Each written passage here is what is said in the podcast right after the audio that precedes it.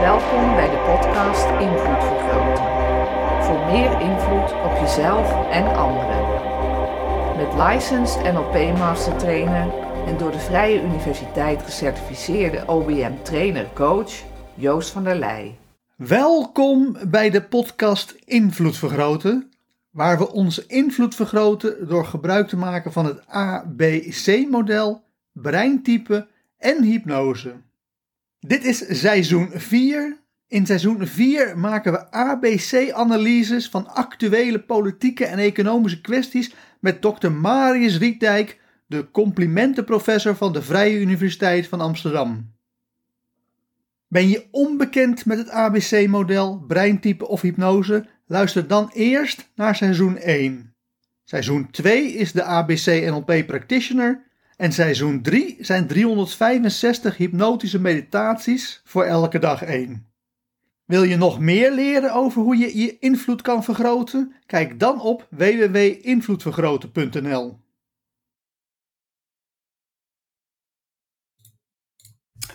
Hartelijk welkom, beste mensen. Welkom bij een aflevering De Politieke Economie met Dr. Marius Rietdijk. Laten we hem tevoorschijn toveren, maar er lijkt er iets aan de hand te zijn. Want we hebben een zwart vlak. Marius, ben je daar? Ik ben er, hoor je mij? Ik hoor je wel, ja. Oké, dan Maar heb ik de video heb ik wel eh, openstaan. Ja, Dus ehm, misschien dat er iets is met. eh, ja, daar ben je. Kijk. De camera was vuil. Ja. Ja, heel erg vuil. Goed om jou weer te zien. ja, ik zie dat je naar de kapper geweest bent. Ja, kan ik niet ontkennen. Dat eh, is. Goede eh, kapper, zo te zien. Ja, de top 10. Een, ze staat in de top 10 eh, van Nederlandse kapsters. Kappers. Ja, dat verdien je ook. Goede kapper. Ik ga voor mij al zo'n, eh, nou ja, zal het zijn, zo'n 23, 24 jaar naar haar toe. En waar ze ook heen gaat, ik achtervolg haar. Dus ik eh, Ah, stalker. naar Haarlem toe. Het is eh, voor die mensen die uit Haarlem komen, Studio 54 uit Haarlem. Ja. Dus, eh, Nee, goed om op- complimenten te geven aan goede mensen. Zeker, ja. En zij, hoe zeg je dat? ze, dat ik, weet niet, ik weet niet wat de straatnaam is, maar ze zit op huisnummer 42. Oh, sorry, 54. Niet 42, twee- 54. En eh, nou, Studio 54 is een beroemde eh, houseclub uit eh, New York. Eh, disco, eerst disco, daarna house later. Ah, En ik ken haar van de houseparties uit de jaren 90. Dus, oh. ja, Ja, dan heb je heel wat flink huis gehouden. ja, ik ben blij dat er relatief weinig beelden van zijn. Relatief. Ze zijn ja, er wel. nee, voor de mensen die, voor de kenners, die kunnen mij helaas vinden. Oké, dus echte Ja. fans die eh, kunnen dat op gaan zoeken. De prijsvraag voor de volgende keer om, eh, om dat door te sturen aan mij, dat ik het Ja. kan gebruiken. Nou ja, daar ben ik wel bang voor, ja. Ehm, maar we gaan iets anders doen vandaag dan eh, houseparties. Oh, Hoewel houseparties ook heel leuk zijn. We gaan Ja. het hebben over de stikstofproblematiek en de boze boeren. Dat, ja. En natuurlijk eh, nou ja, gaan we ervan uit dat het ABC-model hier eh, de oplossing eh, biedt. Wellicht kun je beginnen met kort het ABC-model uitleggen, wat het precies inhoudt. Ja. Het ABC-model is het basismodel van de gedragsanalyse. Gedragsanalyse is de wetenschap van gedragsveranderingen en het begrijpen en het veranderen dus van gedrag. Begonnen met Pavlov en later een goede swing gegeven door B.F. Skinner, de beroemdste psycholoog uit Amerika van de vorige eeuw. En na hem eh, hebben de anderen dat eh, toegepast, ook weer verder uitgewerkt. En dat is een heel vakgebied geworden, heet gedragsanalyse. De A in het ABC-model staat voor antecedenten. Het zijn prikkels die aan het gedrag voorafgaan en die een eh, invloed hebben op het gedrag. En het B staat voor het gedrag, voor behavior. En C voor consequenties. Dat zijn alle gebeurtenissen of prikkels die na het gedrag volgen. En dat, daarmee kun je heel veel gedrag verklaren, ook met een ABC-analyse. Dus eh, Ja. dat hebben we ook een Ja, aantal keren gedaan. En was Skinner inderdaad een psycholoog? Of was dat, eh, was dat Hij was Ja. niet een eh, gedragsanalist. Nee, hij heeft eigenlijk dat vakgebied eh, min of meer eh, uitgevonden. Ehm, ja, net als dat, eh, dat een aantal grote natuurkundigen, het, het, het sterrenkundigen bijvoorbeeld, ook een eh, nieuw vakgebied hebben ontwikkeld. Eh, Copernicus, ja, dat was denk ik toch een van de eerste sterrenkundigen, zonder dat hij nou echt zichzelf sterrenkundige noemde. Ja, En eh, Skinner vind ik echt, eh, dat klinkt soms een beetje overdreven misschien, maar dat vind ik echt in dat rijtje van die wetenschappers thuis horen. Dat die het vakgebied van het gedrag zelf onderzoeken en niet allemaal afgeleiden ervan, zoals leiderschap, cultuur en motivatie. ja. Ja, dat heeft hij dus op poten gezet. mooi, duidelijk. En eh, nou ja, daar plukken we nu onze vrucht, de vruchten van. Ja, ja.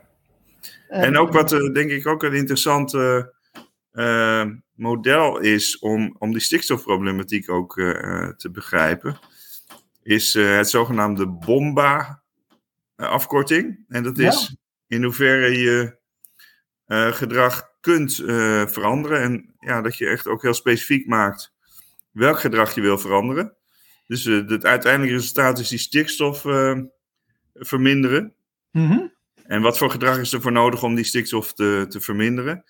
En ten, e- en, maar, maar je moet je eerst afvragen of het verminderen van stikstof aan de BOMBA-test eh, voldoet. Ja, En BOMBA staat voor beheersbaar. Dat is de Mhm. eerste B. Dus de vraag is, heb je dat überhaupt als mensheid, kun je dat beheersen om het te verminderen? Is het observeerbaar? Nou, je kunt inderdaad eh, ook metingen doen en dat is de, de derde stap van de BOMBA. En is het betrouwbaar ook dat meerdere mensen tot dezelfde conclusies komen?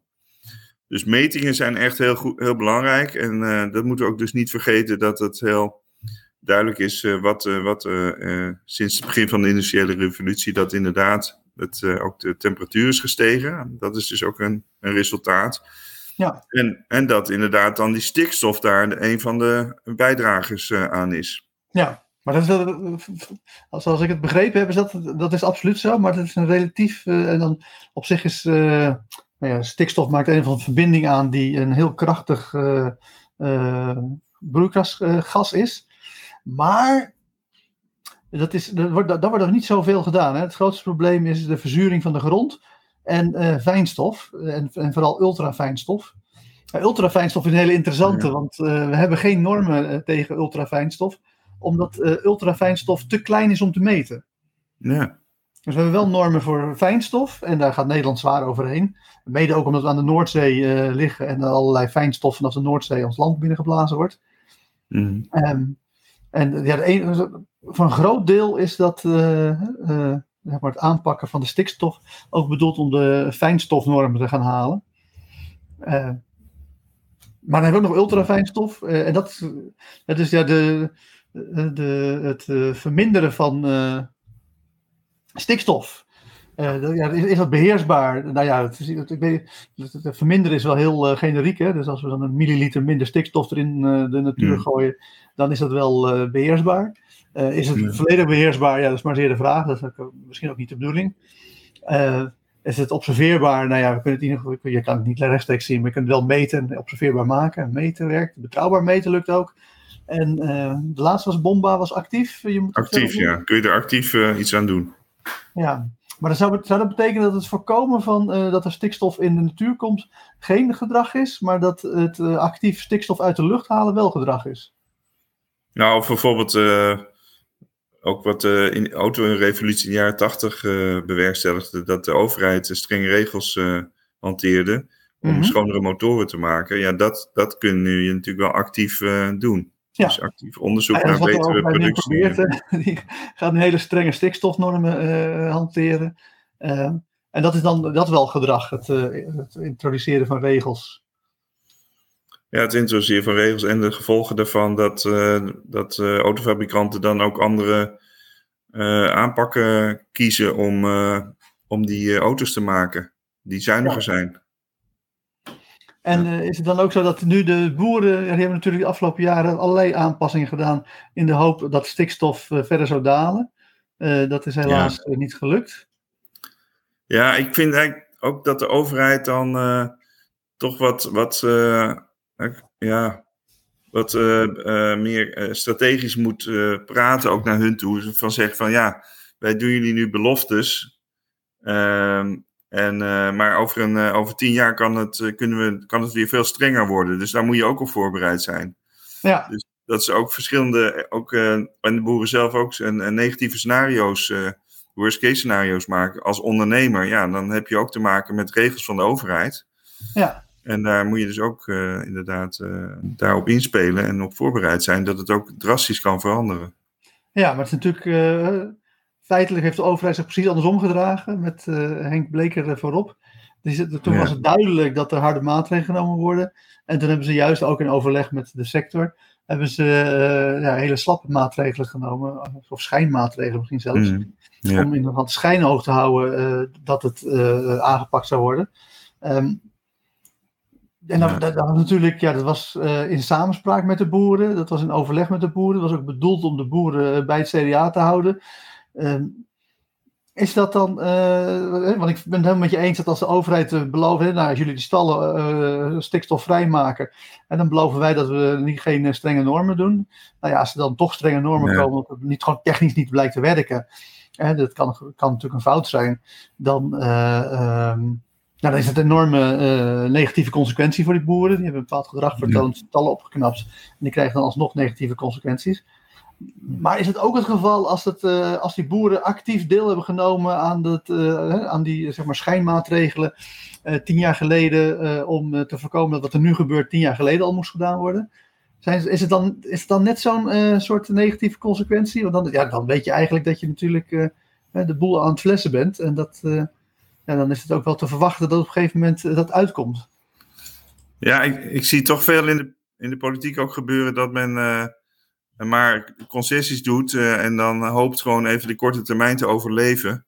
En dat men het dan ook weer vergeten is. Alleen het gebeurt vaak zo systematisch bijna, dat um, mensen het vertrouwen nu echt aan het verliezen zijn in de politiek. En ja, uh, ja er zou eigenlijk een soort uh, Winston Churchill uh, moeten opstaan in Nederland, die gewoon even de, de grote lijnen. Die hebben we uitzet. in Engeland, Boris Johnson. Ja, ja. En ik weet of, of hij nou echt met, ik vind hem niet echt heel, heel strategisch met scenario's werken en voor de lange termijn bezig is hoor, die Johnson. Ja. Dus ik vind het ook een beetje een clown, eerlijk gezegd. Ja, zeker. Maar hij heeft hetzelfde breintype als ik, dus ik ben een heel groot fan van hem. Ah, Trump, ja. Johnson en ik hebben alle drie hetzelfde breinsoort. Um, en toevallig hebben we afgelopen dinsdag in de Engelse stream hebben we het over Johnson, Boris Johnson gehad. Dus ik dacht, dat is leuk. Ja, Continu maar dan uh, sta je niet uh, bij de minste in dat rijtje, zeg. Nee, nee.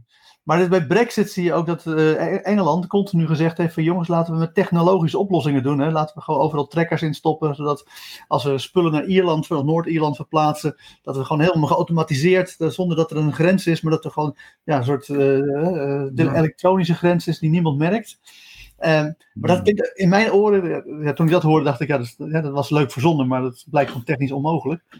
Maar nu, ik, ja, ik, ik heb me eerlijk gezegd tien jaar geleden niet heel erg met het stikstofdebat bemoeid maar als ik het nu zo terughoor, dan klinkt het alsof wel die technologische oplossingen waar die boeren mee zoet gehouden werden, eigenlijk van diezelfde soort fantasie uh, waren als zijnde van, nou weet je wat, als jullie nou gewoon uh, doen alsof er allerlei technologische oplossingen zijn, dan uh, kunnen wij nog een tijdje de boel traineren. Ja, het is gewoon uitstel. en ja, in veel gevallen werkt het waarschijnlijk ook. Dat gewoon het pappen en nat houden. Ja. Maar ja, op een gegeven moment kun je ook met, uh, met het economisch beleid, uh, met de inflatie nog even laten doorsudderen. Ja, misschien dat, het, uh, dat die inflatie zomaar spontaan gaat dalen. Ja, dan is het, komen die politici er mooi mee weg. Maar als het echt een zware crisis wordt, ja, dan. Ja. Dus dat is weer het.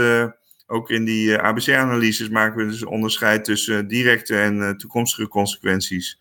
Om nog even te herhalen van wat we misschien al eerder hebben besproken, maar dat is nog even opfrissen. Ja. Van uh, ja, of ze positief of negatief zijn, die consequenties, of ze, en of ze zeker of onzeker zijn. En uh, ja, met die stikstofcrisis denk, denk ook veel Nederlanders van ja, wij zijn het, het liefste jongetje van de klas, het braafste jongetje, jongetje van de klas, maar of het nou echt zo'n ramp wordt met de wereld, dat, dat is natuurlijk toekomstig en onzeker. Ja. Dus dat is niet zo motiverend voor veel mensen als dat ze direct in de portemonnee bijvoorbeeld merken dat zij uh, ja, moeten betalen aan die, uh, aan die transitie. Ja, En dat is misschien ook de reden dat, ondanks het feit dat de boeren eigenlijk medeplichtig zijn aan uh, al het uitstelgedrag van de afgelopen tien jaar, ze nu doen alsof ze van ja, we wisten van niks en hoe en het overkomt ons en het is een schande. Dat het ook gewoon tien jaar te lang is, dat ze het gewoon letterlijk gewoon vergeten zijn. Ja, en, en er wordt ook vaak het argument gebruikt van ja, de boeren die verzorgen ons eten, dus die moeten we beschermen. Ja. Maar dat vind ik eigenlijk een schijnredenering, omdat uh, ja, er zo, is zoveel belangrijk. de bakker is ook belangrijk, maar moeten we dan alle bakkers uh, ondersteunen of alle slagers? Dat hoeft niet, omdat er vanwege het, uh, het mechanisme van de vrije markt ja, vraag en aanbod goed op elkaar zijn afgestemd. En op een gegeven moment kan er ook dus met, ook met minder boeren af. En dan is het, ja, wat is het meest reinforcend voor de samenleving? Meer huizen bouwen, de boeren laten, uh, ja, uh, boeren blijven steunen of... Uh... Of de natuur opgeven. Hè, dus dat is het andere punt wat ik hiermee heb. dus ik ben helemaal geen fan van de boeren. er zit, er zit heel veel haken, ik vind, dat vind ik het leuk aan dit, dit, stikstofprobleem, is dat er heel veel haken en ogen aan zitten. Dus ondanks het feit dat ik geen fan van de boeren ben, ben ik ook geen tegenstander van de boeren. Nee. Maar, maar ik, zie wel dat de rechter heeft een uitspraak gedaan, in meerdere, meerdere malen zelfs. Ja. En die ziet dat de, de, politiek nu wel gewoon een keuze heeft gemaakt van nou laten we maar met die rechter meegaan, want we vinden uiteindelijk het beschermen van de rechtsstaat vinden we belangrijker dan het tevreden houden van de boeren. Ja. Uh, maar dat hebben de boeren zelf helemaal niet. Hè? Die hebben helemaal niet dat idee nee. dat uh, ze de rechtsstaat uh, overeind moeten houden. en dan denk ik terug naar een boek van Wilhelm Reich. Dat is natuurlijk een psycholoog over het ontstaan van het fascisme, waarbij hij laat zien dat iedereen dacht dat dat heel erg in de, uit de steden voortkwam, maar dat het feitelijk uit het platteland van de boeren vandaan kwam. Oh.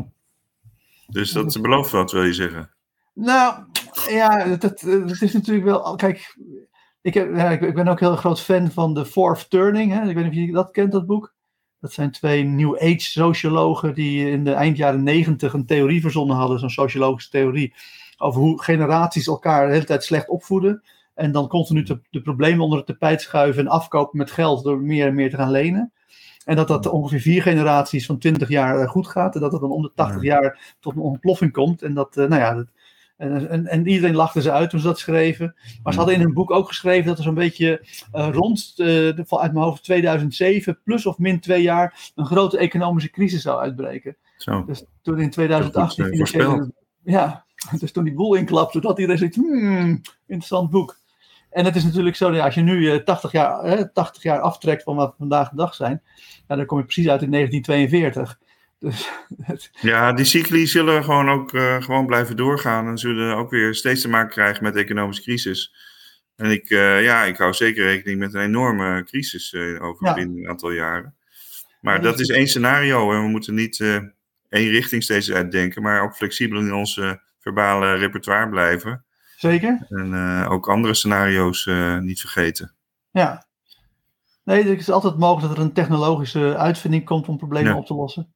Dat hebben we gezien met het klimaat. Ja. Dat zeggen nog, dat is het officiële wereldbeleid. Hè? Als je het IPCC-rapport leest, dan gaan ze ervan uit dat vanaf 2050 dat er een bepaalde daling in het CO2-gehalte zit. Op de, en dat is het, zeg maar, het meest gunstige scenario's.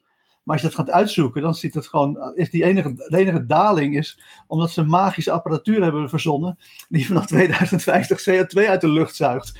En dat, dat ja, ze zijn wel bezig met ontwikkelen, maar op die schaal die dat in het IPCC-rapport staat, dat is, uh, ja, dat is helemaal nog niet uh, gemaakt. Maar dat moet dan wel, hmm. volgens dat rapport, over uh, 28 jaar moet het bestaan. Want anders is het meest gunstige scenario, wat al heel negatief is, voor de duidelijkheid, is onhaalbaar. Dus op die manier. Ja, want je hebt, je hebt best wel inderdaad veel mensen dat uh, noemen, die noemen zichzelf ook, of die noemen die tra transitie die gaat komen de, de Great Reset. Ja. En die zeggen dat de hele samenleving uh, op, op de schop gaat van, vanwege een enorme grote crisis die eraan komt. Ja. Maar ze vergeten dus inderdaad, vind ik ook, dat die, die, die technologische vooruitgang, wetenschappelijke vooruitgang, die ook enorm aan de gang is, onderliggend. En die eigenlijk ook voor de economische groei zorgt. dus ook bijvoorbeeld Zoom en, en, Teams en zo, die hebben natuurlijk een enorme invloed op de kosten. Ja. Uh, besparing van grote ondernemingen en kleine ondernemingen. Dus dat, uh, die moet je denk ik ook meenemen. En daarom ja, is het zo goed om ook met een hele groep mensen tot oplossingen te komen. En we zijn nou bijvoorbeeld op de VU, hè, ik zit in de ondernemingsraad. ja, willen we ook meer dat, dat, uh, dat, er, uh, dat de, de, top van, van de universiteit ook niet zelf met beslissingen alleen maar komt, maar dat ook veel minder medewerkers daarbij betrekt. Ja, niet alleen de ondernemingsraad. Maar dat is niet alleen nodig om, uh, omdat we dat leuk vinden, maar omdat we ook alle ogen en oren nodig hebben van de organisatie om, ja, om mee te kijken van wat gebeurt er allemaal in de samenleving. En, en niet alleen de drie knapste koppen die dan het besturen vormen, dat die dat allemaal maar moeten weten. Ja. Want we zien gewoon allemaal als individu ook heel veel dingen over het hoofd. En daarom hebben we elkaar ook nodig om, uh, om daarover te hebben. Ja, nou het is Viable System Model. Hè? Dat, uh, ja, ik ben er groot fan van. Ik heb Ja. een boek over geschreven, Management Cybernetics. Ik zal het eens eventjes kijken of we dat uh, tevoorschijn Ja. kunnen toveren, de koffer. Cybernetics. Ehm, ja, hier is die. Eh. Dan moet ik nog even op de goede plek tevoorschijn toveren. Ja, dus ik, eh, ik zie die, eh, die inflatie wel. Kijk, de, de, onderne- of de overheid heeft gewoon gedurende eigenlijk het loslaten van de gouden standaard. Ja, dat is jouw boek. Geweldig boek. Ja, dat Ehm, laat zien dat, dat cybernetics. de, Ja. de wereld te complex wordt. De OBM zit er uiteraard ook een hoofdstuk over in. Dat de wereld te complex wordt en dat je dus niet meer eh, vanuit een ivoren toren eh, een universiteit kan besturen. Maar dat je steeds meer autonomie eh, lager eh, in de organisatie moet eh, beleggen. Ja, en, da- en dan zie je eigenlijk ook nu dat, eh, dat de overheid op een gegeven moment wordt het niet meer de, de oplossing, maar het probleem. Hè? Ja, En, eh, omdat ze toch proberen allemaal eh, als.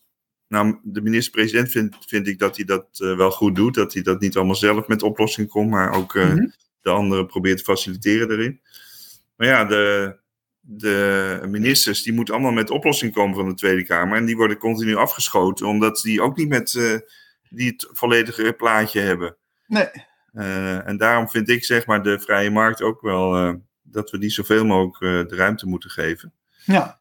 Maar, ik heb eh, de vorige keer bij sprake, ik weet niet meer of het onderwerp was, eh, nou ja, in ieder geval tijd, tijd geleden, het onderscheid gemaakt van eh, problemen die echt het voortbestaan van de mensheid bedreigen. Hè, Dat is klimaatramp. Als dat echt uh, groots uh, fout loopt, ja, dan, uh, dan gaan er heel miljarden dood, onnodig dood, gaan sowieso miljarden mensen dood, maar gaan on, miljarden extra onnodig dood. En dan, eh, dan houden we ongeveer een miljard over. Die zullen ongeveer rond de Polen, eh, op de Zuidpool kan je dan gaan leven. En rond de Noordpool, eh, Siberië, Canada en? Finland en Noorwegen. Zitten wij er ook bij, Joost, bij die miljard? Nou, dat is vanaf, eh, op zijn vroegst zal het ergens in de, in de 22e eeuw, als het zo foutloos gaat. Dus ik hoop daar wel bij te zijn, want ik wil Ja. proberen onsterfelijk te zijn. Maar daar helpt de klimaatramp ook niet echt bij. Dus de Nee. kans dat we en er nog zijn en dat er ook een klimaatramp is, dat is wel heel ingewikkeld. Bovendien is het probleem is dat die klimaatramp eh, problemen naar voren schuift. Bijvoorbeeld eh, dat, dat inwoners van warme landen de behoefte krijgen om naar het noorden te trekken. Of naar het Mhm. zuiden, als je helemaal in het zuiden zit. Eh, maar voornamelijk naar het noorden. En eh, dat betekent dat Europa te maken krijgt niet met miljoenen immigranten zoals we nu hebben, maar met miljarden immigranten. En het is maar zeer de vraag of Europa dat aan kan. En eh, nou ja, de Amerikanen hebben het makkelijk, want de Amerikanen trekken gewoon Canada binnen. die Canadezen hebben gewoon pech. Ja, die hebben aardig wat grond. Ja, maar het grootste probleem is eh, China en Rusland. Dus eh, ja, de Chinezen die zitten ook in een te warm gebied. En die moeten ook naar het noorden toe, die moeten Siberië in. En ja, daar zijn de Russen niet heel erg blij mee. Dus ja, de, de huidige situatie, ik denk dat, kijk, ik, ik heb altijd het idee dat de Chinese politici, misschien niet een helemaal verkeerd idee hoor, maar ik heb altijd het idee dat zij een hele lange termijn planning doen. En dat zij Ja. dus nu al denken van ja, wij moeten op een goede dag, moeten we ons volk verhuizen van, eh, van China naar, naar Rusland. En ze hebben nu met de hele Oekraïne-oorlog, hebben we nu de opportunity om van eh, Rusland een soort vazalstaat te maken, die helemaal eh, in onze invloedssfeer komt te vallen. Zolang Poetin maar niet valt. En dat ze dan ja, genoeg doen om zeg maar, Poetin in leven te houden. En te voorkomen dat eh, Rusland in handen valt van een pro-westers eh, regime. En dan. eh, Ja. maar hoop Ja, dat is ook mooi van eh, systeemdenken versus ook eh, kijken wat voor mensen heb je in je, in je systeem zitten. En als je nou nu hebt over, over Poetin, en eh, er gaan dus ook wel geruchten dat hij ongeneeslijk ziek is. Zoals Ja. we allemaal natuurlijk wel zijn, maar hij dan echt voor eh, binnen twee jaar of zo. Ja, dat kan dan enorm toch wel een invloed hebben op het, eh, op het wereldgeschiedenis. Ja. Althans op de middellange termijn, zeg maar. Nou ja, kijk, als uh, Rusland en China in een atoomoorlog uh, raken, omdat China Rusland binnenvalt, ja, dat is wel heel goed voor de klimaatramp, want dan krijgen we een mooie nucleaire winter. Dat koelt de boel flink af. Maar ja, dat is ook wel een optie. Ja, maar in principe is de nucleaire winter toch ook voor de rest van de wereld heel onhandig. Hmm. En dat, hè, dus er is het risico, dat, maar goed, ja, wij hebben dan de pech of de mazzel. Ik, het is altijd een ingewikkeld verhaal, vind ik. En we hebben de mazzel dat we de kans dat we het zelf meemaken heel klein is. Omdat ja, het vindt allemaal waarschijnlijk plaats na 2050. En dan, nou ja, dan hebben we nog steeds een kans dat we er zijn. Maar dan zijn we niet meer op onze top. Ja. En als het dan 2060 wordt en 2070, dan wordt het allemaal heel onwaarschijnlijk.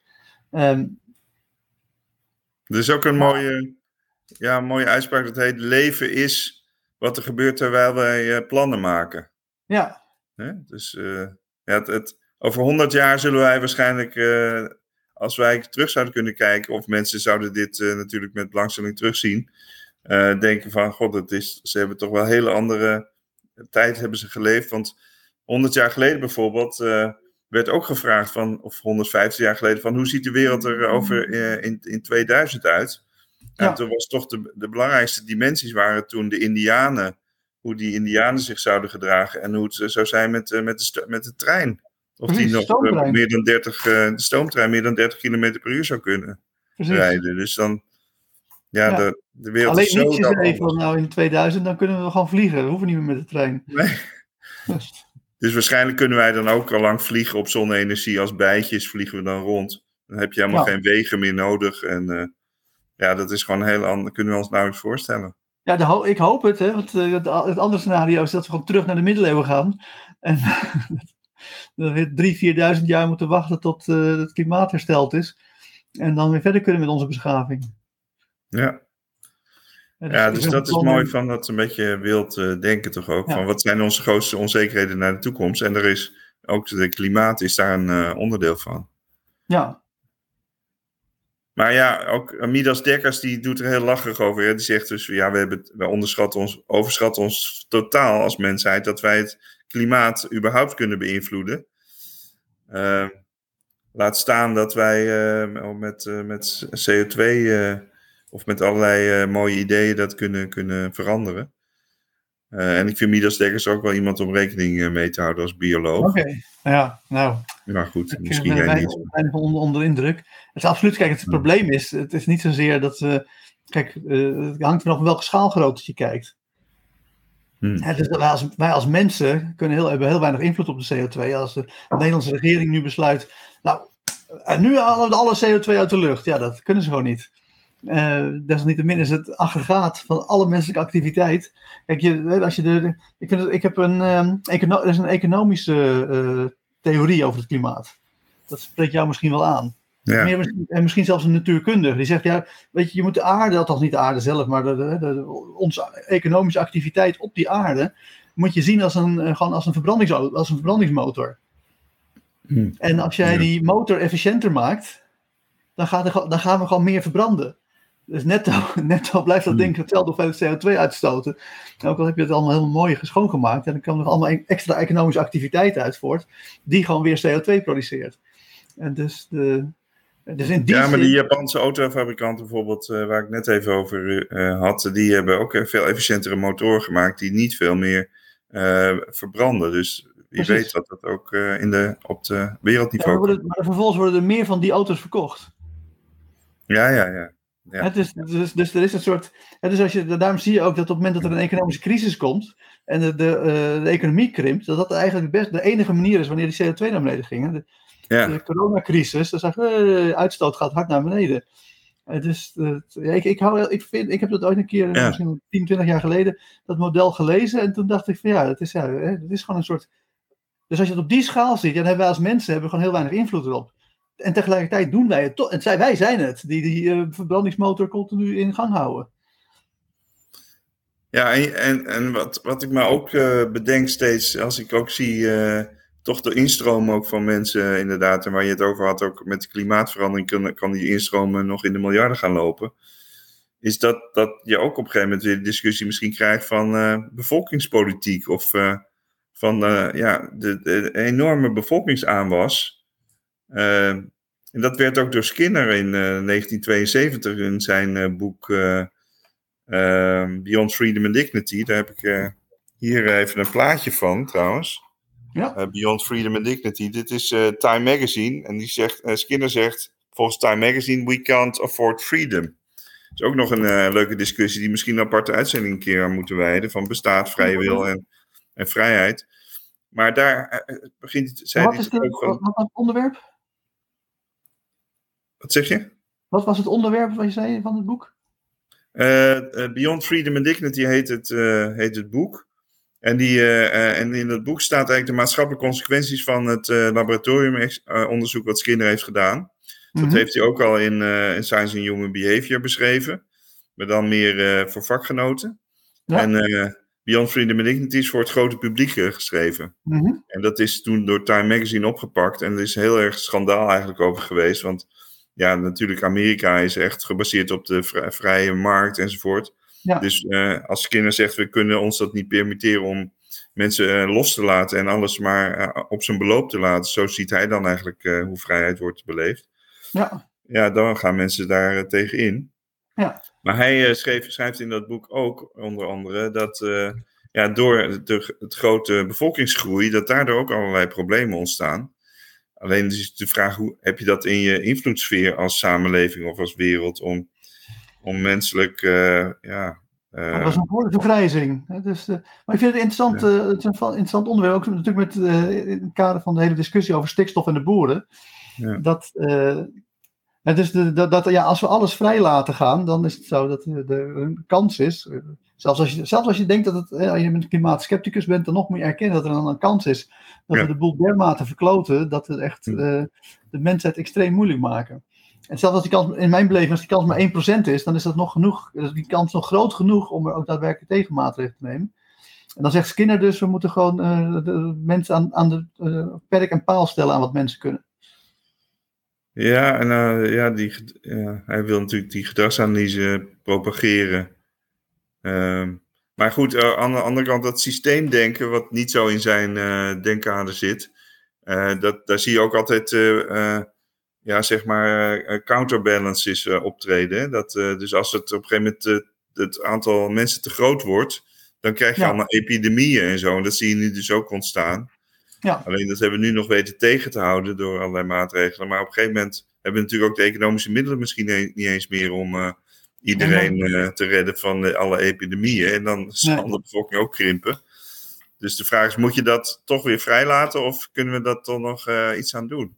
Ja, nee, dat, ik denk dat de overbevolking is, is, is, is, een schijnprobleem. Het is wel een probleem waar ze heel erg in de jaren zeventig mee zaten. Ja. Maar toen hadden ze nog geen vergrijzing. Dus je ziet dat zodra mensen economisch uh, uh, goed voor elkaar krijgen, dat de vruchtbaarheidsgraad heel hard achteruit loopt. En dat de vervangingswaarde of de vervangingssnelheid van de bevolking gewoon uh, ja. onder de twee komt. En dat betekent dus dat de bevolking langzaam aan het uitsterven is. Als je kijkt bijvoorbeeld naar Rusland, ligt de, de vruchtigheid zo laag dat ja, dat land het holt achteruit qua bevolking. En hebben ze nu ook nog bedacht dat ze dan ook nog alle jongeren laten doodgaan in, in Oekraïne. Super onhandig als je al geen uh, bevolkingsgroei had. Maar ook in het Westen is het natuurlijk, ja, Japan is heel erg verouderd. Mm. China, hè, dat zou je niet eens denken, maar China heeft een enorm vergrijzingsprobleem. En dat is ook een van de redenen waarom in westerse uh, uh, landen uh, de politici, ondanks het feit dat er enorme populaire of het uh, publieke druk is om geen uh, migranten toe te laten, geen van asielzoekers en dat soort dingen, mm. dat ze er eigenlijk super blij mee zijn. He, dat als, hoe heet die Duitse Weer Schaffendas, Andra, Angela Merkel. Ja. En die dacht gewoon, ja, er zijn een miljoen mensen, die nemen ook na later komen nog hun, hun gezin, gezinshereniging, mm. nog een paar miljoen. Ja, dat zijn allemaal toekomstige belastingbetalers die onze oude dag kunnen financieren. Ja, dat heb je gelijk in. Ja. Dus dat, daar dacht ik ook wel aan van dat, dat zij ook eigenlijk bijna iedereen die levert waarde aan de maatschappij. Ja. Uh, dus uh, hoe meer mensen er komen, hoe meer waarde er wordt gecreëerd. Ja. Ik heb zelf ook een, ja, mijn, mijn nichtje, ja, dat, ik weet niet of ze dat leuk vindt, maar die is fractiemedewerker bij Forum voor Democratie. Oké. Okay. En daar heb ik wel eens tegen gezegd, ja, we kunnen toch wel zo'n beetje, denk ik, 165 miljoen mensen in Nederland uh, huisvesten. Want iedereen wil in uh, Amsterdam wonen. En als je dat uh, doortrekt naar de rest van Nederland, dan komen we zo'n beetje op 165 miljoen uit. Ja, ja daar had ze niet direct een antwoord op. En ik weet ook niet of het helemaal klopt wat ik zeg, maar Ja, Jawel. toch? Toch wel, Ja, ik, ga weer, eh, ik heb net eh, een nieuwe training in India gepland, in Delhi, in Gurgaon, in die eh, voorstad. Ja, dat is, een, eh, dat is eh, nou ja, Amstelveen, maar dan eh, met eh 3 miljoen mensen erin. Dus dat kan makkelijk. Ja. En is het ook, is het ook leefbaar? Ja, ik vind het. Ik, nou ja, Ja. natuurlijk zijn allerlei mensen. En je hebt echt het idee dat je in een science fiction film rondwaart. Ja. Eh, alle straten die heten DLF, Delhi La- Land Foundation. Dat is degene die het Mhm. allemaal. één, dat is gewoon één club die het allemaal gemaakt heeft. Eh, dus alles heet DLF, DLF Avenue, DLF Club Drive, DLF Ja. Street. En, dan, ja, en we hebben zoveel nieuwe straten dat het natuurlijk helemaal niet kan. Er is Zo weinig variatie. En dan, dus dat is allemaal DLF Club Drive 5 en DLF Club Drive 6. Dat zijn gewoon andere Ja. straten. Maar ze hoeven niet allemaal namen van mensen dan eh, meer te gebruiken. Dat, Nee, het is alleen maar één grote reclame. Het- Overal zie je spandoeken hangen en muurschilderingen met DLF. En dan, maar wat je dan in die science fiction films allemaal ziet, dan zie je toch van die grote eh, eh, gates. Of, en dat je een Ja. bepaalde sector ingaat. En Ja. now entering sector 22 en zo. Ja. Dat is daar echt zo. Oh, dus dat, is- dat ik echt denk. En eh, ja, ik zit daar in een resort, wat ze gewoon helemaal eh, nou ja, verzonnen hebben dat daar een resort moet zijn, midden in een woonwijk. Dus dat slaat helemaal nergens op. Maar het is, ik vind het heel leefbaar. Ik kan me dat prima vermaken. Maar ik ben ook niet iemand die heel van natuur houdt, maar wel van steden houdt. Dus ja. Maar ja, het zijn allemaal dingen waar, wij ons eigenlijk, waar ik me ook niet heel erg druk over maak. Dat, eh, dat zal allemaal mijn tijd wel duren. En ik probeer gewoon eh, in mijn huidige leven zo, eh, zo blij mogelijk te zijn door dingen te doen die, me, die wat opleveren voor mij. En dat lukt eigenlijk alleen als ik dingen doe die ook voor anderen wat opleveren. Dus daar hou ik me dan maar mee bezig, ook gezien die Bomba-criteria. van ja, waar heb ik invloed op? Dus ja, met die stikstof, ik heb, ik, heb me allemaal familie eh, haal ik naar voren. is een oom van mij, de, vader, de, de, de broer van mijn eh, vader. ja, Die, eh, die kwam een keer bij een GroenLinks eh, bijeenkomst en die zei, ja, met die stikstof, dan, eh, dan groeit enorm het eh, aantal eh, planten in de zee Ja. vooral. Die eh, va- vangen dat allemaal wel op en die groeien daardoor. CO2 Dus dan wordt die eh, CO2-problematiek ook wel opgeheven. Nou, daar heb jij volgens mij wel een antwoord op, maar zij hadden daar in ieder geval toen geen antwoord op. Ja, nee, het, is, het is absoluut zo dat het eh, voor, het, eh, voor, voor het- alles wat groeit en bloeit heel gunstig is. Eh, alleen ja, is, is, is het vaak zo dat het ook weer vaak het snel loslaat. En dat het eh, eh, meer een, eh, symptoom is dan, de- dan de oplossing. Maar aan de andere kant, als wij, eh, wat was het, eh, duizend miljard eh, bomen planten, dan eh, schijnt het probleem tijdelijk opgelost te zijn. Maar die, plant, die bomen planten zichzelf dus eigenlijk. Door die CO2 eh, planten ze zichzelf eh, voort. Dus er hoeven eigenlijk ook niks. eh, we kunnen gewoon als een zenmeester alleen maar gaan zitten mediteren, Joost. Want Ja, wereld het probleem is dat-. Als we duizend miljard bomen planten, dat we erg de neiging hebben om als ze groot zijn, ze weer om te kappen en te verbranden. En dat, dan krijg je het probleem. Maar, maar uitstel is ook in dit geval heel erg goed, want dan hebben we weer meer kans op technologische doorbraken. Ja. Maar het grootste probleem is, is dat ondanks het feit dat er nu overal miljarden bomen worden geplant, ja, duizend miljard bomen is gewoon heel veel bomen. Maar er zijn echt landen die gewoon 100 miljoen bomen planten. China plant als een gek bomen, ook om de, woest, eh, de verwoesten, de verwoestijnisering tegen te gaan. Ja. Maar desalniettemin is het nog steeds zo dat netto eh, het aantal bomen daalt. Eh, dus de, eh, de boomkap, met name in Indonesië en in Brazilië, dat gaat nog in zo'n rap tempo. Dat ja, raken alleen maar bomen kwijt. En eh, dat betekent bijvoorbeeld ook dat het Amazonegebied, wat voorheen CO2 opnam, op het ogenblik CO2 uitstoot. Dus dat eh Ja, is ja, oh. Ja. En maar terug naar de, kijk, maar de, maar de stikstofproblematiek, en er, er zit, er zit wel een broeigas, eh, eff- broeigas Kas, bloeikas, gaseffect. ja, zoiets. Een, hoe heet het?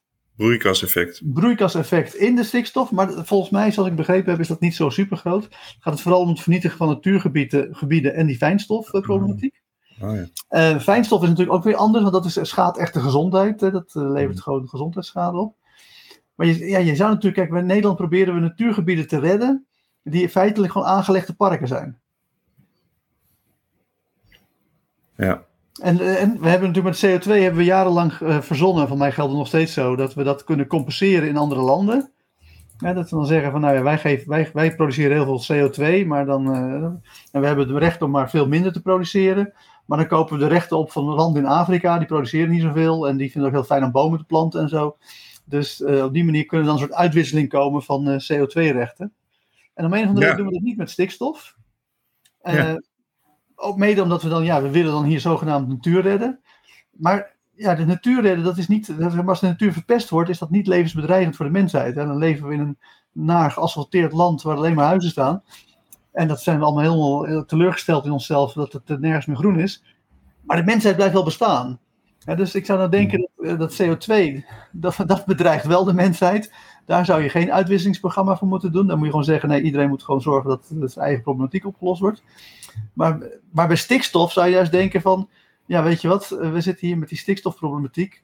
Waarom kopen wij niet eh, voor, we hebben nu 25 miljard gaan we uitgeven. Waarom kopen we niet voor 25 miljard dat Poolse oerbos op, wat de Polen proberen kapot te maken? Dat het van Mm. ons oerbos wordt. En dat Ja. wij dan gewoon Nederland kapot maken, in plaats van dat de Polen eh, eh, het oerbos kapot maken. En dat wij dan hier eh, de, de, de, de, de Veluwe redden, wat dan gewoon een aangelegd park is. Ja. ja, dus daar is weer grensoverschrijdend letterlijk eh, overzicht voor nodig. Ja, Eh, misschien is daar in die zin de EU en eh, andere grotere eh, politieke instanties zijn daar goed voor om dat eh, denken op gang te brengen. precies. En daarom denk ik ook dat die- boeren zijn natuurlijk allemaal tegen de EU. maar ze zouden eigenlijk voor de EU moeten zijn. Want ja, de oplossing ligt uiteindelijk bij de EU. Maar je had het ook over eh, een van jouw eh, karaktergenoten, Trump. Ja, Ik vind dat hij walgelijke dingen heeft gedaan in de, door, ja, door als een soort dictator eh, eh, ook die verkiezingsuitslag naar zijn hand te willen blijven zetten. Ja. Eh, maar ja, ik, ik vind dat hij ook wel, wel goede dingen gedaan heeft, waarbij ik nu even daar niet weer op kan komen hoe ik mijn verhaal begon. ja. Het, is, een- beetje zo- zoals Ronald Reagan. Hè? Niemand dacht dat toen Ronald Reagan president was, dat hij geniale president was. En toch beëindigde hij de Koude Oorlog. Ja. Maar die liet het dus ook aan de, aan de krachten over. En hij zei bijvoorbeeld wel, ja, wat moeten we met Rusland doen? Ja, daar moeten we een, eh, parkeerplaats voor maken. Dat, hij had wel een bepaalde humor die sommige Ja. ook, ook wel grappig waren. Eh, maar hij liet het toch heel erg eh, aan de krachten over. Hij zei, nou, wij gaan als overheid niet alles regelen. Mhm. Maar uiteindelijk is zijn eh, begroting toch weer groter geweest volgens mij dan die van zijn voorganger. Dus eh, wat hij zei, dat werd ook niet al- allemaal waargemaakt. Linkse mensen worden altijd bedreigd, of altijd ge- tegen gezegd van jullie, jullie geven geld uit. Eh, maar Ja. feitelijk gezien zijn het altijd rechtse overheden die enorm hoeveelheid geld uitgeven. En linkse overheden Ja. die volgens mij weer allemaal bezuinigingsmaatregelen moeten doen. Maar het is natuurlijk, ja, kijk, ze hebben natuurlijk het overlaat aan de vrije markt. Het hele Star Wars programma van, eh Amer- Ja. Reagan. Dat was natuurlijk ook een programma om de, eh, de Sovjet-Unie eh, nog verder in de wapenloopwedstrijd mee te laten gaan, zodat ze hun economie nog verder kapot zouden maken. Ja. Ja. Dus ja, dat, dat zie je nu ook natuurlijk terug. hè. Maar, Dus heeft ze vrij hard opgesteld toch, naar, de, naar de Sovjet-Unie, terwijl de linkse ehm, ja, dat, dat niet deden. En daardoor eh, wilde Gorbachev met hem in gesprek komen. En zo is dat inderdaad eh, Ja. uit en dat zie je ook met, eh, nu natuurlijk met een andere, een andere grote held Boris Johnson. Dat oké, hij mag misschien Ja. Brexit verkloot hebben. En de interne politiek van Engeland ook eh, behoorlijk slecht doen. Maar hij is natuurlijk wel heel enthousiast over de oorlog in Oekraïne. En stuurt daar massaal spullen Ja. naartoe. Nou ja, ik heb ook wel gehoord dat ook Shell bijvoorbeeld echt naar, naar Engeland is vertrokken. Vanwege het echt het anglo-saxische beleid eh, daar Ja. ook van, eh, van, Tom, eh, van Johnson. Maar daar hebben ze nu spijt van. Hebben ze er al spijt van? Nou, Johnson heeft, eh, wat in Nederland ook eh, geroepen wordt, van we moeten de energiemaatschappijen die nu allemaal, of de oliemaatschappijen die nu allemaal eh, enorm veel geld verdienen, moeten we ehm, eh, een soort extra belasting opleggen. En wij praten erover, maar Boris Johnson heeft het al gedaan. Die heeft gewoon alle, eh, gedaan. alle exploitatie in de Noordzee heeft hier gewoon 20 of 30 procent van hun winst eh, extra belast. En dat is van, Ah. ik, heb het niet gevolgd, maar jij volgt ongetwijfeld de, de beurskoers van, de, van Shell. Maar het schijnt Ja. dat de beurskoers wel een behoorlijke knauw gehad heeft. Omdat Boris Johnson eh, er eventjes langskwam met zijn grote knapzak en eh 30% van de winst Ja. Ja, dat was eh, niet volgens verwachting, denk ik, van Ja. de Shell-mannen ja, en vrouwen. Nee. Ja, Maar hè, stel dat we dus, we willen de boeren zover krijgen dat ze lekker thuis blijven maandag. Dat ze lekker op hun akkertjes uh, aardappels gaan rooien en dergelijke dingen gaan doen. Hoe kunnen we dat met het ABC-model ervoor zorgen dat ze dat gaan doen? Ja, als we dat willen, dan zullen we. Ja, en dat is wat, wat de politie tot nu toe al gedaan heeft. Toch wat concessies doen. en in de hoop dat ze dan zich even koest houden. Ja. Maar ik denk dat het beter is om eerlijk te zijn. Uh, ik heb ook wel eens bij een bedrijf hè, ook gezegd van ja, ik, ik ben hier gestuurd de, door de directie om jullie harder te laten werken. En, en dat, dat wil ik ook gaan doen. Jullie harder laten helpen laten werken. Maar dan, dat werkt alleen als jullie er ook voordeel van hebben. Dus dan, en toen zijn we dat gaan uitzoeken en toen zijn ze ook harder gaan werken. Maar ze werden er zelf ook beter van. Nou, dat zo, zo moet je ook denk ik naar die boeren je opstellen. Van ja, het is ook we verwachten dat we gewoon toch blijven krimpen. Dat de boerenstand blijft krimpen, zoals ze dat al tientallen jaren doen. Maar we willen dat ook doen volgens gunstige voorwaarden. Uh, voor jullie. Ja, en alleen we kunnen jullie geen Rolls Royce bieden. Zo, dat kon ik ook die medewerkers van die bedrijf niet. We konden echt niet hele grote bedragen bieden. Maar wel uh, uh, ja, dat, dat het, dat het uh, voor hun aantrekkelijk wordt om een bedrijf te beëindigen. En dat daar ja. misschien ook meer, dan meer geld naartoe moet. Nou ja, daar hebben ze al heel veel geld voor klaarstaan, denk ik. Maar... Ja, dus dat, dat is denk ik de boodschap. Ook slecht nieuws durven te vertellen. Ja, maar... Dat wordt ook maar, gerespecteerd. Het beëindigen van je bedrijf is natuurlijk een negatieve consequentie. Ja. Want dan, dan zie je ook je toekomst verloren gaan. Is het mogelijk om dan met een zak geld dat te compenseren? Nou ja, ook met de, tijdens die coronacrisis werd ook gezegd uh, tegen mensen in de horeca om, om, om de, die te compenseren. Maar je ziet dat ze heel snel vertrokken naar de gezondheidszorg en nu ook weer terug kunnen komen van de gezondheidszorg naar de horeca. En dat ja. je niet allemaal als overheid dat allemaal heel erg hoeft te, te ondersteunen. Want mensen zijn ja. slim genoeg om zich aan te passen. En uh, voor boeren is het dan ook niet een, een goede lange termijn oplossing om, ze, om de pap en te nat te houden. Maar ze zullen dan zelf ook naar een andere sector uh, kunnen overstappen. Ja. Om, uh, om weer toegevoegde waarde aan de, aan de economie te leveren. Ja, nou coach ik af en toe boerendochters. Oh. Die, zitten, die zitten van met regelmaat, ja, dat is geen grap. Die, die, nee, nee. die zitten regelmaat in de klinks, met name met hun boerenvader. Oh. En dan zie je toch dat die heel erg bezig zijn, die boerenvaders, vooral met die, op, de, de bedrijfsopvolging. En dat ze het heel belangrijk vinden dat dat uh, een boerenbedrijf dat het in de handen van de familie blijft. En, dat, uh. En dan is de, de, de, de, meest recente casus die ik had, was dan wel uh, zoonlief. en, en zij was, zij vond het niks, het boerenbedrijf in eerste instantie. Ja. Is ze gaan studeren, is ze biochemie gaan studeren, is voor Shell gewerkt in het lab in Amsterdam. Ja. En, maar na, nou, misschien al 10 of 15, misschien wel 20 jaar later, dacht ze van, nou, ik heb het wel gezien. Uh, voor mij was het ook een beetje gedoe bij Shell. En uh, toen is ze weer op de boerderij gaan werken. En sindsdien kreeg ze alleen maar ruzie met de vader. Die had echt zoiets van, ja, dit is niks voor jou, je kan het niet aan en dat soort dingen. Hmm. En die vader had, zeg maar, hij had een jongere broer, dat zijn hoop op die jongere broer gehad als voor het bedrijfsopvolging. Maar die zag het helemaal niet zitten, die was überhaupt van het hele bedrijf verdwenen. En die vader was echt letterlijk in, al volgens mij in de 70, 78 of zoiets. En die zat nog elke dag uh, op de trekker. Uh, de, en, en die werd steeds zagrijniger en die ging ook personeel, je werd, jaagde die weg en zo. En het was de grootste boer van de Haarlemmermeerpolder. Dus dat, uh, oh. Maar die man was zo trots op het feit dat hij de grootste geworden was. Hmm. Ik gok ook dat hij een type 3 succesvolle werkerbrein had. Want dat vond hij heel belangrijk dat hij de grootste was. En het was niet eens allemaal van hem, maar hij had het dan allemaal van andere boeren gepacht. En hij verdiende daar geld mee. En ja, eigenlijk zou hij super blij moeten zijn dat zij dat opvolgde. En ja, zij zat, maar ja. Hij, hij, vond dat zij er niks van kon. En ik heb haar geleerd om te zeggen van joh, van, dat zij haar dochter ging interesseren. Ze had een dochter, dat ze haar dochter ging interesseren. En dat, dat, dat zij dan haar vader zou vragen van joh, ik wil mijn dochter interesseren voor, de, voor weer de opvolging van mij. Ik ga het voor jou opnemen. En dan, dan, uh, Maar hoe kan ik haar nou zorgen dat zij dat boerenvak leuk gaat vinden? Zodat ze als het ware aan de, aan de vader de oplossing ging vragen. Ja, eigenlijk voor het probleem van die vader zelf op te lossen.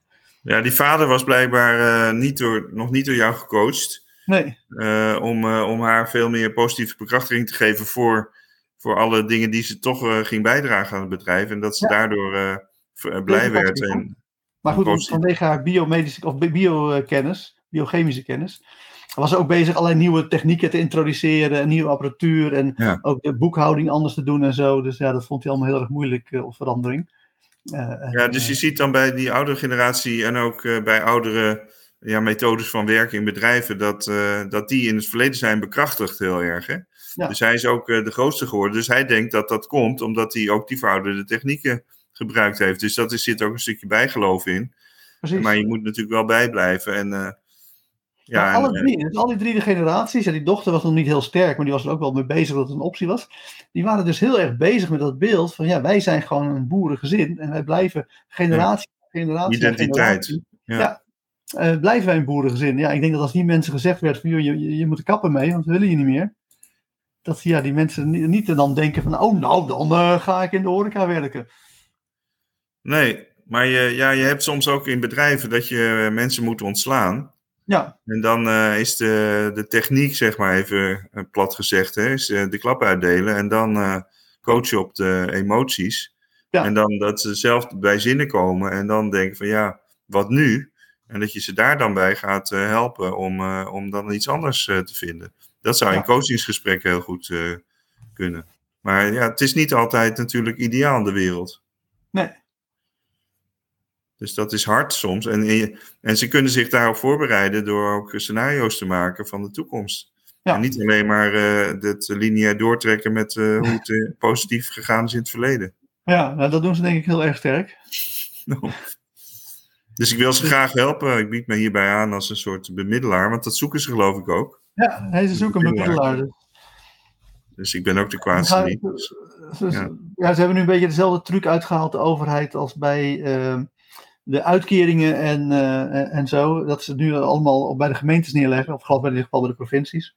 Zodat ze dan, eh, ja, als dat, nu wordt het nooit, hè, de, de, nationale overheid kort nooit meer op de uitkeringen, maar de nationale overheid geeft de gemeentes gewoon minder geld. En die moeten dan vervolgens korten op de uitkeringen.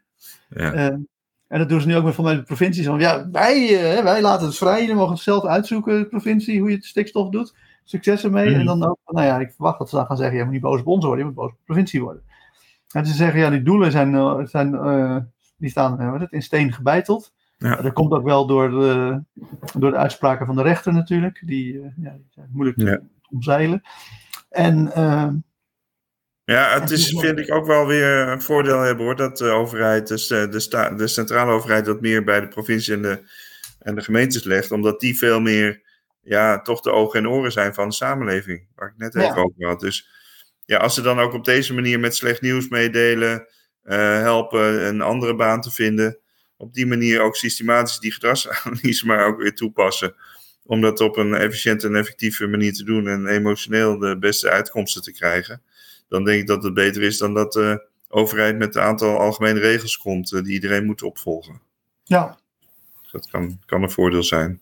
Maar ja, het blijft, eh, het blijft naar voor mensen die heel erg gehecht zijn geraakt aan, eh, aan hun bestaande gewoontes. En Ja. daar eh, adviseer ik ze ook wel weer, ga lekker mediteren. En eh, zorg voor een flexibele geest. ja. Dat je ook je eigen scenario's maakt voor je eigen leven. En ook als je al die scenario's voorbij ziet komen, ga ook naar de film. Ja, ik ben een beetje raar bezig misschien, maar ook film kijken, dat zijn ook scenario's die je dan ziet. Hè? En Zeker. als je die dan kan verplaatsen in een ander die dan daar eh, dat allemaal meemaakt, dan kun jij, sorry, als je in je eigen leven ook dat soort situaties meemaakt, daar ook eh, beter op inspelen. Ja. Ik ga nog even speculade.nl eh, promoten. Een, een nieuwe inschrijving voor ons evenement in oktober. Ah, mooi. Dus nee, er moeten nog wel een paar mensen bij komen. Maar ja, je kan natuurlijk ook zeggen van... hé hey, boeren, je een enorme zak met geld. Eh, leer op de beurs speculeren. Of Nou, of je kunt, ze- ja, je kunt ze wel van tevoren een zak met geld geven, maar je kunt ze misschien beter een zak met geld geven als ze met goede, eh, een- met, een, met een andere baan vinden. Dat ze gewoon een bonus krijgen voor het vinden van een andere baan. Ook, ja, dat ze niks krijgen voor het onteigenen van het, van, van het Ja. bedrijf. Jawel. Ja, in ieder geval een soort. Het- Ik vind het een, een, een creatief idee. Je kan natuurlijk veel minder geven voor het onteigenen van het bedrijf. En dan inderdaad met een extra grote bonus voor, eh, Ja. voor om hun wat whatever initiatief ze daarna gaan doen Ja. te ondersteunen. Dat zodra ze met een eigen initiatief komen, een bedrijf of een studie of een, eh, of een baan, dat ze dan inderdaad eh, meteen eh, een bonus uitgekeerd krijgen. Dat is natuurlijk wel een hartstikke goede ABC-model-achtige oplossing. Dankjewel. Ja. Ja. En is dat ook even los van, ja, ik gok dat er niet heel veel toegepaste gedragsanalyse studies zijn op boerenopstanden. Is dat Nee. iets wat, je ook- wat je ook wel over het algemeen vaker terugziet bij andere trajecten binnen het ABC-model eh, een rol speelt? Ja, je ziet dus boosheid ontstaat bij, eh, als extinction burst. Hè? Dus je ziet ook, ook bij de boer eigenlijk dat die een beetje aan het uitsterven zijn. Dat klinkt even Mhm. hard of uit. Dat gedrag is aan het uitdoven. En dan krijg je altijd eh, een soort boosheid. Dat is overal. Hè? Dat is ook als je op de, bij het rode stoplicht staat en je gaat een aantal keer drukken. Terwijl één keer drukken is genoeg. Word je eigenlijk boos van als je niet meteen groen eh, licht krijgt. Precies. Vandaar al die, al die maatregelen om dat groene licht, om dat allemaal te zien eh, hoe het ervoor staat. Ehm, maar dat is dus eh, heel normaal, ook bij, bij boeren, dus dat er een extinction burst is. En dan moet je eigenlijk dat deels toch wel negeren en doorzetten als je dus echt verminderde boerenstand wil. Ja. Maar ook mensen die boos worden. Eh, ja, je kunt dat eh, dus ook eh, in counselingsgesprekken ga je daar, ga je daar op, die emotie samenvatten. Ja. En ik zeg het even heel technisch, hè, want, maar dat is wel wat de gedragsanalyse eigenlijk ook wel biedt. Hoe je dan in eh, dat soort eh, eh, situaties gesprekstechniek toepast. En daarvoor moet je dus ook die gesprekstechniek wel, eh, wel beheersen. ja. Ik heb er zelf heel eh, veel eh, tijd aan besteed. Maar bijvoorbeeld, eh, omdat je eh, bij het eerste is eigenlijk het vrije attitude interview noemen ze dat. Mhm. een collega van mij op de VU die dat heeft ontwikkeld. Dus, eh, En dat zegt, ja, eh, luisteren, samenvatten, doorvragen. Mhm. dan krijg je het beste informatie en dan bekrachtig je ook menselijk verbaal gedrag. En vervolgens kun je, zijn er allerlei afgeleide technieken. En waaronder ook slecht nieuwsgesprek en het counselingsgesprek, wat dus gaat over emoties helpen verwerken. Ja. Dus ja, ik denk dat de, de wereld verandert echt heel snel. Dus we moeten allemaal ook eh, voorbereid zijn dat onze eigen baan ook op een gegeven moment overbodig eh, raakt. Ja. Dat, eh, maar je zou niet zeggen de hele boerenstand in de investeringen.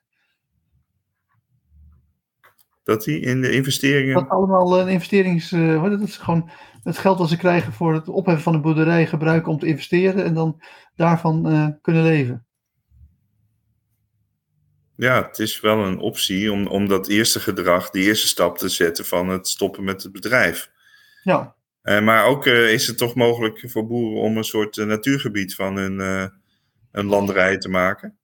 Dat, ja, dat weet ik niet. Dat zou, het zou kunnen dat dat ook een optie is. Ja. Maar als je dus niks aan een landbouwgebied doet, dan wordt het vanzelf bos, hè? Dat, Ja. Ik weet niet of je dat weet, maar Ja. dan, eh, dan komen er twijgjes enzovoort en eh, struikjes. En dan. Althans, in Nederland is dat zo. Andere landen wordt het Ja. woestijn. Maar we hebben nu ook ja, die woningen nodig. En dat is ook weer dus die, eh, die overbevolking, zou je het kunnen noemen. Of die Ja. bevolkingsgroei, die zit dus ook weer... eh, die veroorzaakt die, die, dat, dat, die schaarste. Ja, maar je kan in plaats van overbevolking kan je ook denken onderbehuizing. We hebben gewoon te weinig huizen. Ja, nou ja, dat zei Pim Fortuyn. Hè? Ja, men, men verwijt wel dat ik zeg dat Nederland vol is. Maar ja, het is toch wel druk, hè? Vind je niet? En dan, eh, maar ja, als je op de snelweg rijdt of in de stad eh, loopt, ja, dan is het druk. Alleen, Ja. ik geloof maar 13% van Nederland bebouwd is.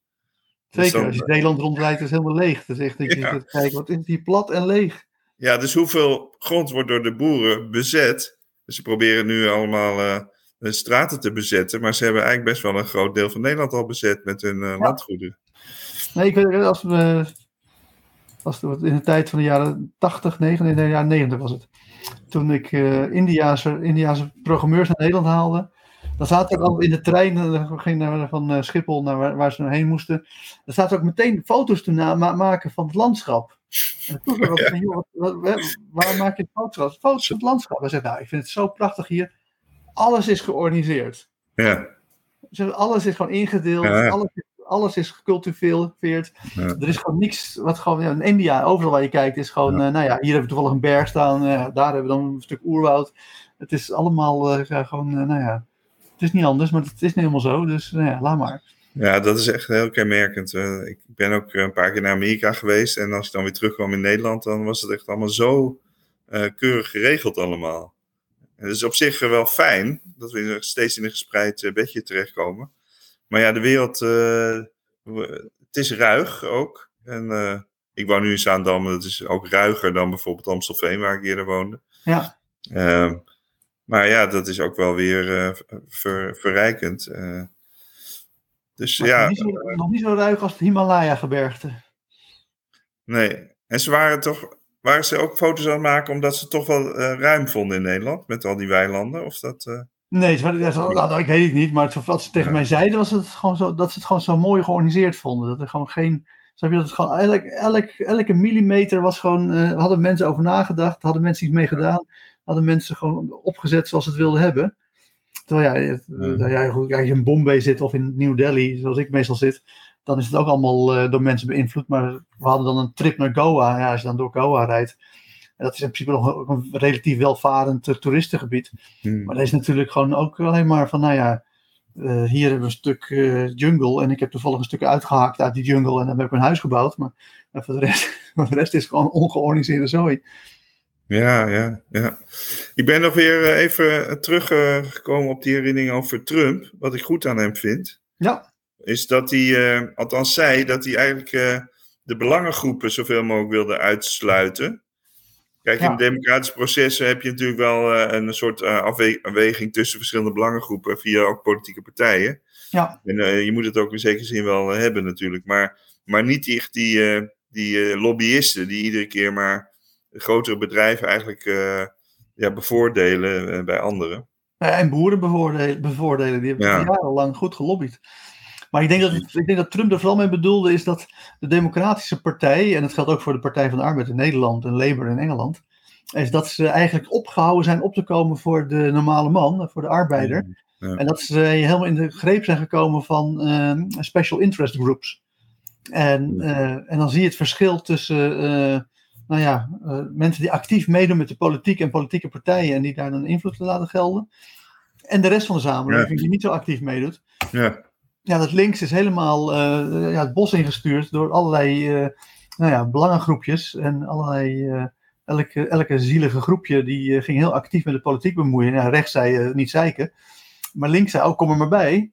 En, maar dat heeft uiteindelijk voor gezorgd dat dat hele links dat dat helemaal ingestort is. En, ja, en daarom is denk ik ook wel de, de- een van de belangrijkste belangengroepen is, is de consument. ja, En die, ja, die, eh, die, daar gaat het eigenlijk om dat hij ook zoveel mogelijk vrije keuze heeft. En, eh, maar daar, ja, daar heb je dan de Consumentenbond eh, voor. Die kan natuurlijk ook weer gaan lobbyen, of die zal dat ook wel doen. ja, Maar al die grote ondernemingen, die vind ik ook niet dat je die be- moet bevoordelen de- boven midden- en kleinbedrijf. ja, maar het probleem is dat er natuurlijk heel veel arbeiders daar zitten. En dat ze het continu dreigen al die arbeiders op straat te gooien. En dus dat is, ja. Ja, maar de, de meeste mensen zitten toch bij het midden- en kleinbedrijf. Dat wordt dan wel vergeten vaak. Ja. Dat, het, eh, alleen ja, als een eh, grote onderneming dreigt weg te gaan, dan heeft dat wel eh, natuurlijk grote impact. Ja, nou goed, als de McDonald's gewoon een hamburgerflipper eh, robot koopt in plaats van eh, Ja. tien mensen. Ja, dat levert een hoop extra werkeloosheid op. En, eh, Ja, dus je kunt het bekijken vanuit eh, werkloosheid, maar je kunt het ook bekijken vanuit de consument die daarvan profiteert, juist door eh, waarschijnlijk eh, goedkopere hamburgers te kunnen krijgen. Of, ja, en, en dat die mensen die ontslagen worden, dus weer nieuwe toegevoegde waarde kunnen gaan leveren. ja nee, die kunnen wat het, bagagehandelaar worden bij Schiphol. Ze moeten heel blij zijn eigenlijk als er veel ontslagen vallen. Op het ogenblik wel, ja, dat is een enorm tekort. En nu zeker, nou ja, dat wil ik wel iets nu nuanceren. Eh, je kunt natuurlijk door een slecht economisch beleid ook, eh, kun je, ja, en, en zelf, bijvoorbeeld zelfs het eh, verhogen van het minimumloon, kun je te- tot meer werkloosheid komen. Ja. Dus het hangt ook erg af van de overheid, hoe die het economisch beleid voert. Ja. Nou ja, en de rentestand, hè, dat, duidelijk dat de Federal Reserve probeert om de inflatie te bestrijden in Amerika door de beurzen te crashen. En dan liefst eh, met een hele gestage, langzame daling, dat het niet bof in elkaar klapt, maar dat het gewoon heel Ja. langzaam terugloopt.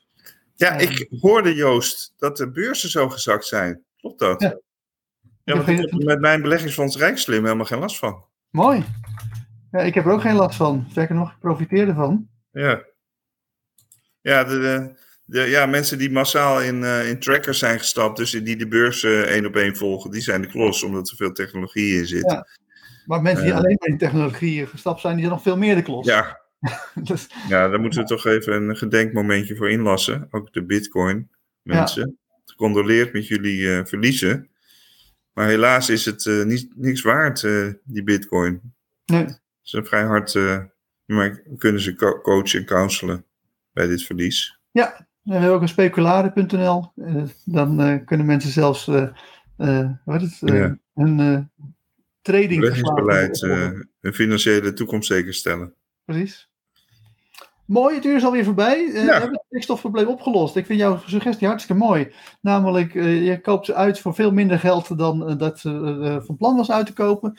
Maar je zet er dan e- nog veel meer geld tegenover voor het moment dat ze daadwerkelijk een nieuw initiatief doen. En, wat, een, Een nieuwe baan hebben Of gevonden. een Ja. eh, opleiding gaan doen of een, een ander Ja. bedrijf beginnen. Dus ja, dan worden ze positief bekrachtigd in het iets anders doen dan het boerenbedrijf. Dus nou, het ABC-model heeft weer gezegevierd, denk ik. Ja, Joost, eh, voor de kijkers, eh, we zijn eh volgend, ik ben nu twee weken druk met de Summer School, ook op de vrijdagen. Ja, En jij gaat ook een Summer School met, met Ja. op de Vuurzeven. Hartstikke leuk. En daar ben je dan de tweede helft van juli precies. bezet mee. Dus misschien dat we even toch een vakantieperiode moeten inlassen. Geen verdere streams in juli, dan gaan we in augustus weer verder. Ja, is goed. Duidelijk. Marius, veel plezier eh, met jouw eh, summer school. ja, dank je. En, eh, nou ja, ik, hoop, ik hoop je ook nog te zien bij mijn summer school. Eventjes een, een cameo moment dat je eventjes joehoe eh, voorbij komt. Ja, heel graag. En misschien wel met een excursie naar FC Twente of waar dan ook. eh had ik me ook van aanbevolen. Dus we zien het ja. wel. Eh, ik moet het nog organiseren. Ik weet niet of, ik weet niet of het doorgaat, maar Nee, het is mooi. Maar ik, de kans dat ik mee, als het, al, als het de laatste dag van de, de summer school is, dan kan ik waarschijnlijk zelf niet mee. Dus dan kan ik jou mooi meesturen als begeleider. ja, zou ook nog een optie zijn. Ja. Mooi. Oké, kom wel uit. Oké, Tot, eh, tot later. Dag. Dank voor het beluisteren van de podcast Invloed Vergroten. Voor meer gratis tools om je invloed te vergroten, ga naar invloedvergroten.nl.